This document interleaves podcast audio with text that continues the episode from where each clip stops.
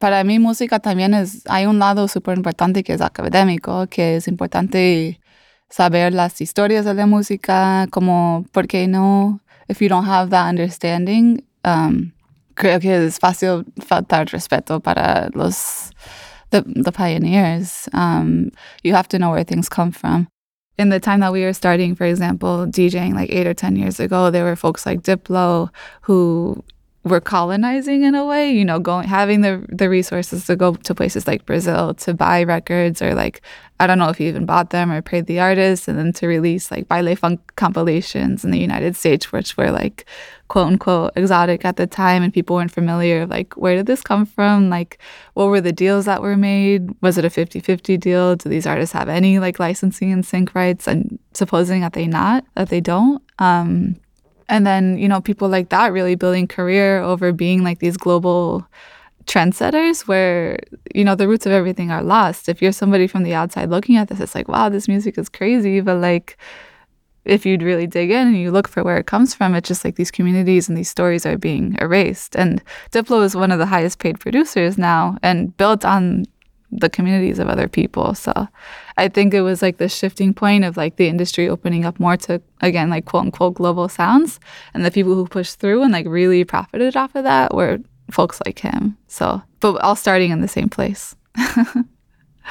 yeah. Artistas de Colombia, bueno, de la mayoría de, de Bogotá y Medellín que vinieron a tocar en Boston cuando yo tenía mi fiesta allá. Eh, empecé a tener un red de contactos allá y cuando estaba pensando en el programa de Fulbright um, fue como una conexión inmediata. Cuando yo estaba tocando en Boston, por ejemplo, estaba tocando un género que en esa época se llamaba Tropical Bass o Global Bass, que es esa vaina de remixes.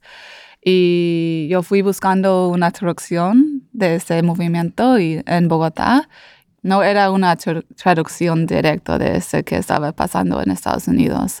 Entonces yo aprendí que, por ejemplo, hip hop, música urbana, reggaeton tenía una presencia más fuerte que Tropical Bass allá, que fue como um, it was cost prohibitive for a lot of people to attend the events where this music estaba soñando, como era como, you know, $10, 10 US dollars or whatever, que no es accesible para la mayoría de gente.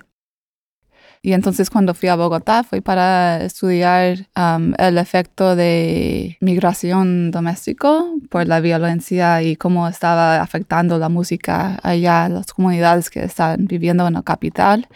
Fui por hacer una serie de entrevistas, de videos, un proyecto multimedia que fue un blog que estaba publicado por Fulbright MTVU porque fue un programa súper específico de Fulbright Em, y conocí artistas que estaban haciendo como champeta electrónica, que fueron gente que vinieron desde um, Barranquilla, desde la costa, y fueron de familias de picoteros, de esos sound systems allá, y estaban haciendo remixes de esas cosas. Había una propuesta de, de cumbia gótica que estaba uh, jugando con la idea de la cumbia como eh, una representación de alegría y tropicalismo en Colombia, pero eh, they were confronting la idea de que ese tropicalismo se, se niega el, lado más oscuro del país. Entonces tenían como sus vestidos y sus visuales y todo eso era súper rico.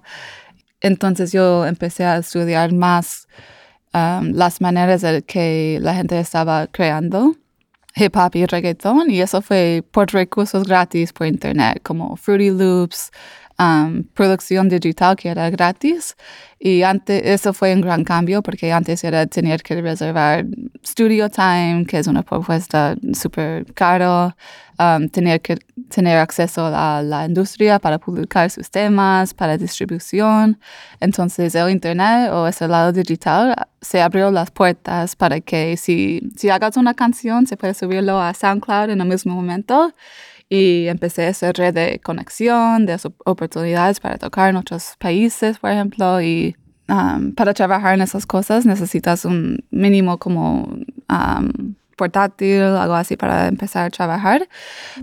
Hay niveles de acceso que es como si tienes acceso a un estudio profesional de industria, si tienes un portátil, si tienes acceso a un programa que tiene portátil y todavía existe una disparidad entre esos niveles de acceso. Pero había unos programas con que estaba trabajando, por ejemplo, um, La Familia Ayara, que es una propuesta de hip hop um, contra violencia. Y allá estaba enseñando beat production por Fruity Loops, había recursos para um, the five pillars of hip hop, como breakdancing, rap, um, graffiti, todo eso. Entonces existían, yo creo que una movida de gente que estaban compartiendo recursos para que otras personas podrían aprender y um, hacer sus propias cosas. Yo creo que fue como, en, en los casos que yo hablé con ellos, era como un crew de 10 personas compartiendo un portátil para hacer su propuesta.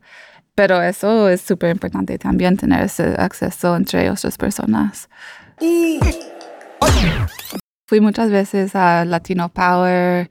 Um, había un club que se llama La Torre Cuatro Brazos, donde había mucha música electrónica así, pero también yo conocí personas que estaban igual en los, los buses con un estéreo um, móvil, que estaban raperos, que eran raperos que estaban viviendo en las fuerzas de la ciudad y yo estaba hablando con ellos también y visitándoles para saber más de sus historias. Y um, así fue como, comenzó reggaetón igual.